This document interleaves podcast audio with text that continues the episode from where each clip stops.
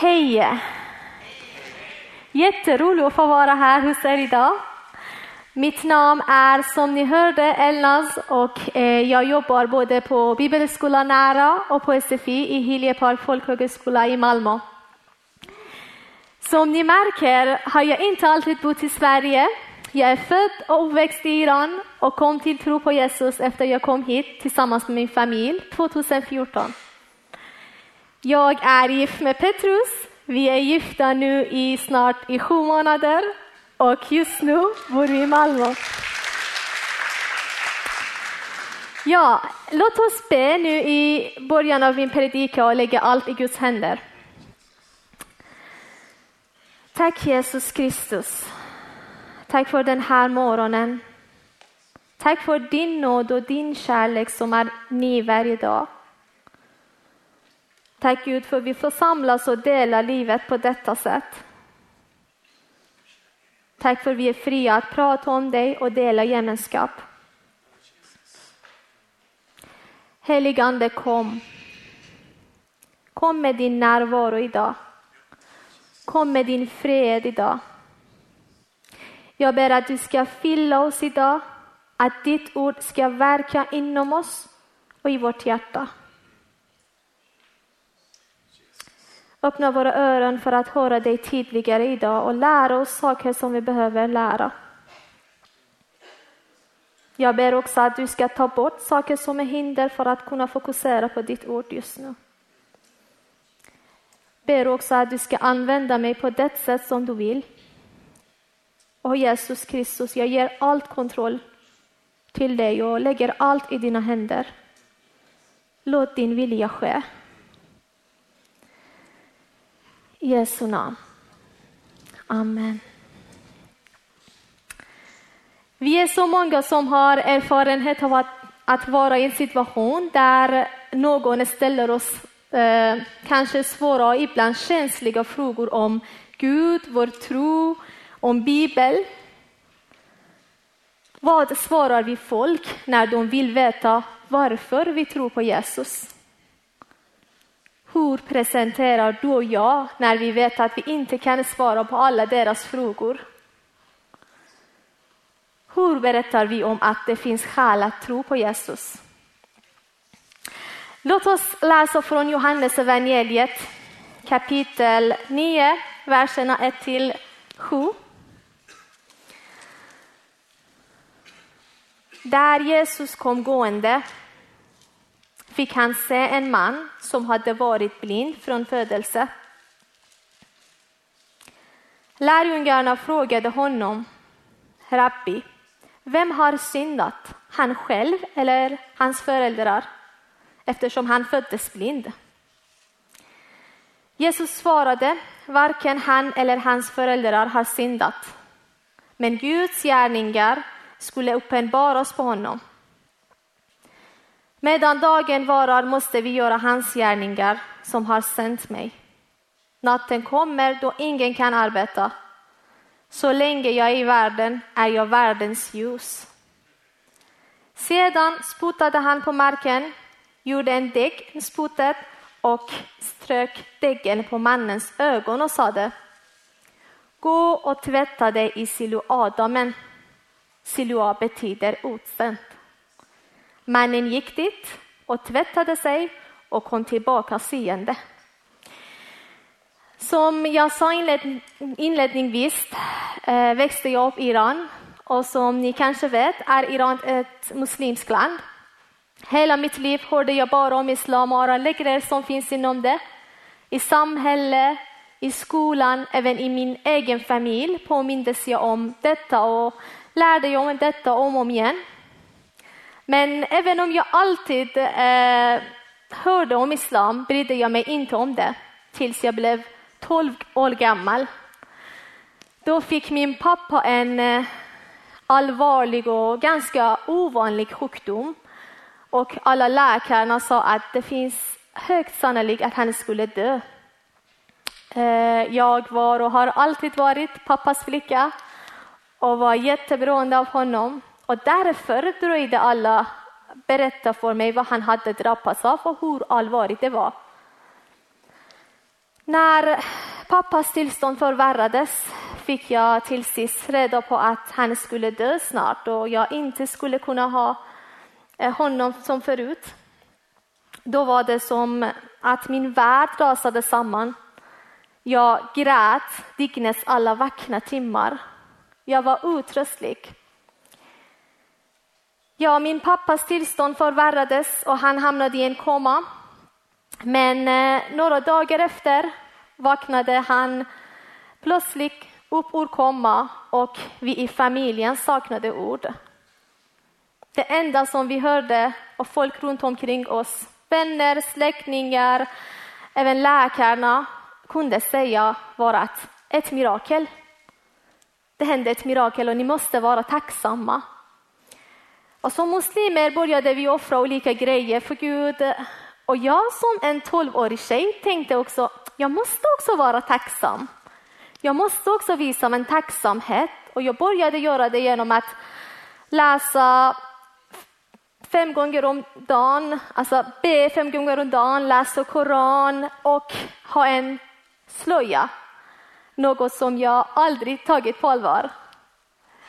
Och eh, jag ville på alla sätt, jag kunde vara en bra tjej som gjorde Gud nöjd. Så under hela min tonårstid hade jag en rädsla att om jag gör Gud tillräckligt nöjd, om inte skulle han komma och ta min pappa från mig. En dag bestämde mina föräldrar att komma till, flytta till Sverige eh, för att ha ett nytt liv här. Så pappa köpte en affär i Malmö och vi kom hit tillsammans 2014. Efter några veckor i Sverige upptäckte vi att pappas bästa kompis hade lurat pappa, tagit alla pengar som pappa hade. Eh, mannen var, eh, alltså bott länge i Sverige och var eh, vår kontaktperson och pappa litat på honom till 100 procent. Så vi, vår situation blev katastrof. Vi hade kommit till Sverige med fina förutsättningar och positiva framtida önskningar. Men vi hamnade i en situation där ingen kunde hjälpa oss. Så några dagar efter i Sverige, eller veckor, träffade vi en tjej som jobbade i pappas affär. Hon var också från Iran och eh, hon var kristen. Hon bjöd oss in till kyrka, en farsitalande församling. Eh, vi tackade nej flera gånger, men hon fortsatte att bjuda in oss tills eh, en dag bestämde vi oss att gå dit. Och den första gången i kyrkan var jättekonstig för mig. Jag fattade inte riktigt varför, varför folk dansade inför, för, inför Gud och varför de sjöng inför, inför Gud. För hela mitt liv hade jag hört motsatsen, att man inte får dansa till exempel framför Gud eller man får inte sjunga. Det var på något sätt respektlöst. Eh, och så inom mig skakade jag på huvudet och skrattade jag åt de kristna och tänkte, stackars dem, de vet inte vem Gud är. Så gick predikanten fram, började predika om Jesus, att Jesus är Guds son, han dog på korset. Och jag blev upprörd faktiskt. Jag ville lämna kyrkan. För hela mitt liv hade jag hört motsatsen, att Jesus är bara en profet. Han dog aldrig och så hela, hela grejen, Gud har ingen son. Men de började sjunga några lovsång och det lät väldigt fint och väldigt bra.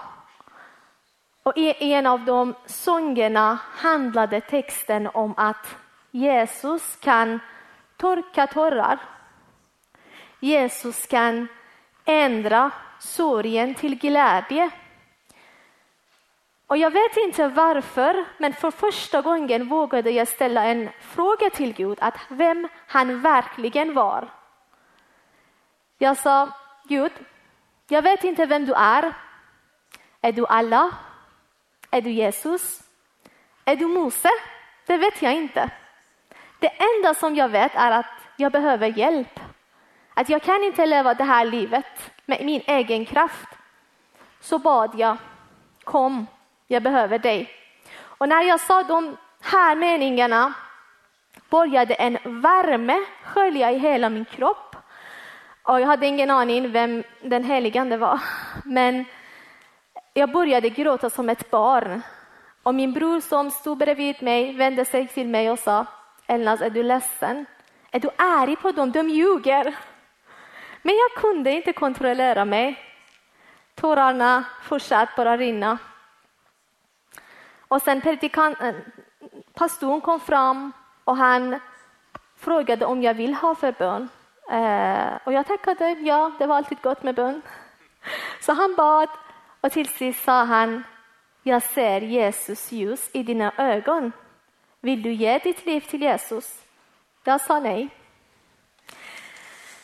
Så efter några veckor blev vår situation hemma ännu värre. Eh, min mamma gick i en depression. Pappa som var helt sönderstressad av vännens svek och den kraschade ekonomin började röka mycket. Min lillebror blev sjuk och jag själv hade oftast ont i magen och huvudvärk. Och på grund av den här situationen ville jag vara hemma så lite som möjligt. Och därför gick jag till kyrka, för jag hittade några vänner i församlingen. En dag blev jag och min bror osams och under bråket eh, sa min bror, som var då 14 år gammal, att situationen som vi just nu är i är på grund av dig, Elnas. Då blev det som om allt föll samman för mig och det var som en röst som sa till mig, nu var tiden inne. Du provade allt som du kunde, du gjorde allt som du kunde för att fixa saker, men det gick inte. Nu ska du dö för att någon ska höra dina föräldrars röst och hjälpa dem. De kommer få eh, hjälp och bli räddade om du inte finns kvar. Så från eh, ingenstans bestämde jag mig att hoppa ut från ett fönster i vår lägenhet. Jag öppnade fönstret och eh, ville hoppa ner, men ville säga de sista orden till Gud. Den Gud som jag inte längre var säker om han fanns. Jag sa Gud, jag provade allt för att fixa saker, jag gjorde mitt bästa för att vara den bästa tjej.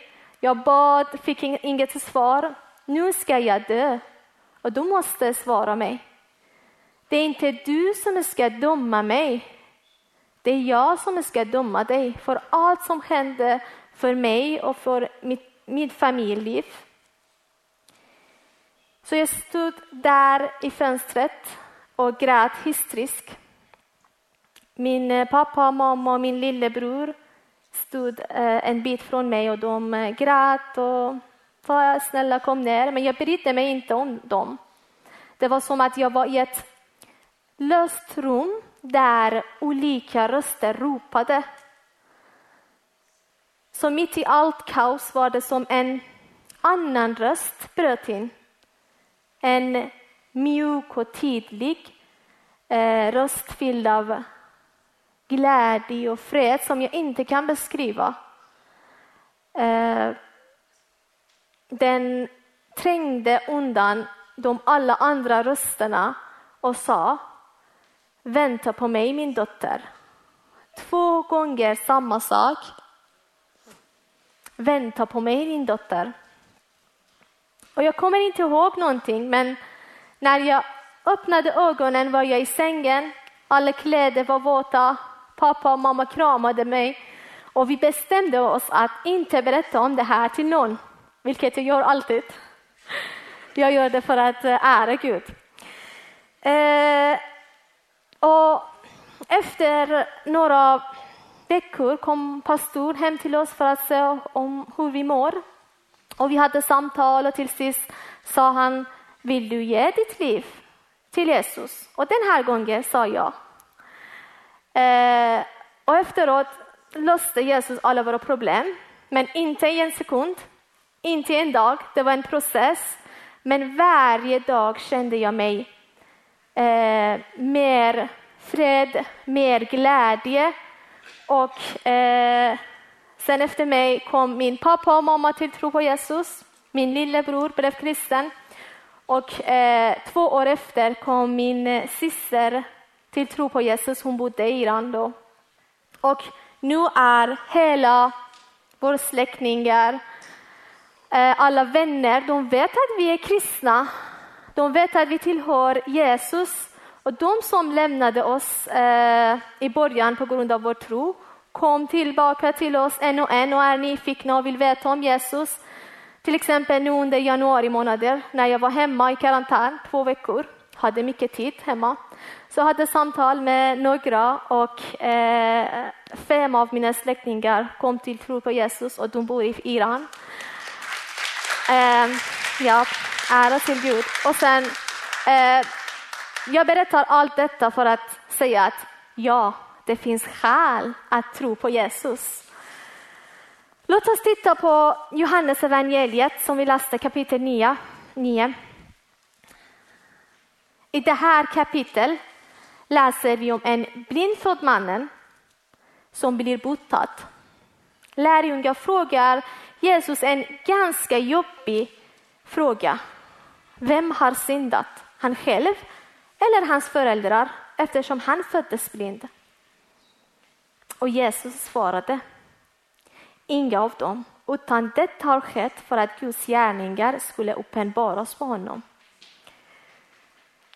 Efter att Jesus botar mannen kommer mannens bekanta för att se eh, om det var han själv eller någon annan. Men mannen svarar att det är han själv som nu kan se.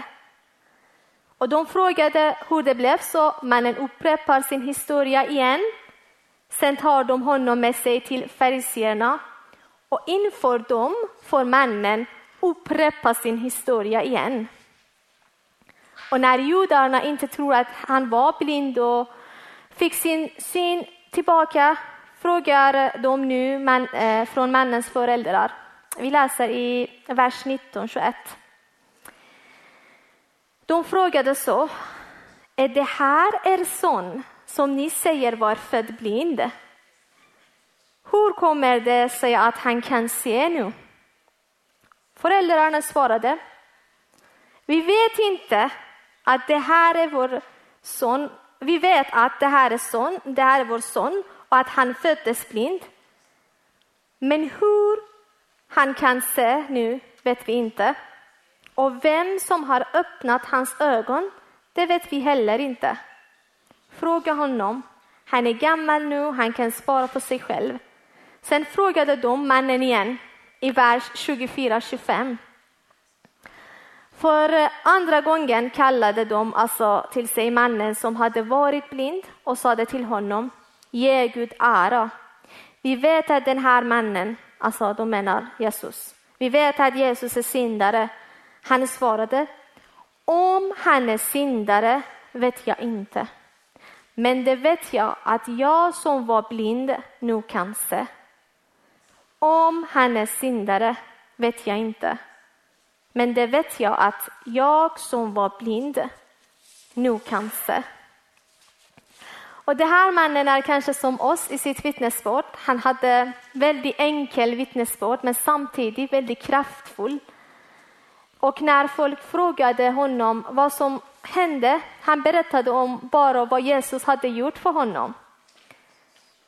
Han hade, han hade inte läst någon teologiutbildning eller liknande för att kunna svara dem och för att berätta om Jesus. Han visste bara en sak, att han var blind och nu kan se. Och det var Jesus som gjorde för honom. Men detta enkla vittnesbörd var tillräckligt för att förvirra religiösa experter och förhärliga Gud inför alla. Så om du är kristen idag har du också en berättelse om hur Jesus blev din Herre och Frälsare. Och din berättelse, din historia behöver inte vara som någon annan. Det behöver inte vara lika dramatiskt eller följa några exakta steg. Det är okej okay om du har annorlunda berättelse. I första Petrusbrevet kapitel 3, vers 15 läser vi så. Men Herren Kristus ska ni hålla helig i era hjärtan. Var alltid beredda att svara var och en som kräver besked om ert hopp. Så om du är kristen, precis den blindfödda mannen, har du en historia. Om du har en historia måste du berätta om det. Vittna om Jesus. Och ibland vill vi kanske svara på alla frågor. Ibland vill vi veta allt för att kunna svara på frågor. Men som blindfödde mannen kan vi också säga, jag vet inte. En sak vet jag, att jag var blind och nu ser jag och det var Jesus som gjort för mig detta. En sak vet jag, att Jesus förändrade mitt liv. En sak vet jag, att jag var andligt blind och Jesus öppnade mina ögon. Låt oss be tillsammans. Tack Jesus Kristus. Tack för din närvaro. Tack Herre för att vi kan komma till dig fritt. Tack Jesus för att vi har ditt namn att be i. Tack för att vi fått leva med dig från nu till eviga livet. Tack för att vi inte behöver kunna allt för att vittna om dig. Tack för alla våra vittnesbörd. Tack för allt som du har gjort för oss, Jesus Kristus. Heligande, kom med din kraft. Kom med din styrka. Kom och ge oss kraft och mod Precis som den blindfödde mannen när någon frågar om vår tro. Tack för att du botade våra andliga ögon och nu kan vi se nu kan vi se sanningen som är du själv, Jesus.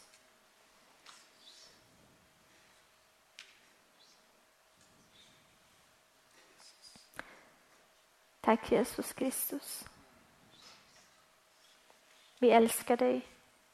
Vi ärar dig. Amen.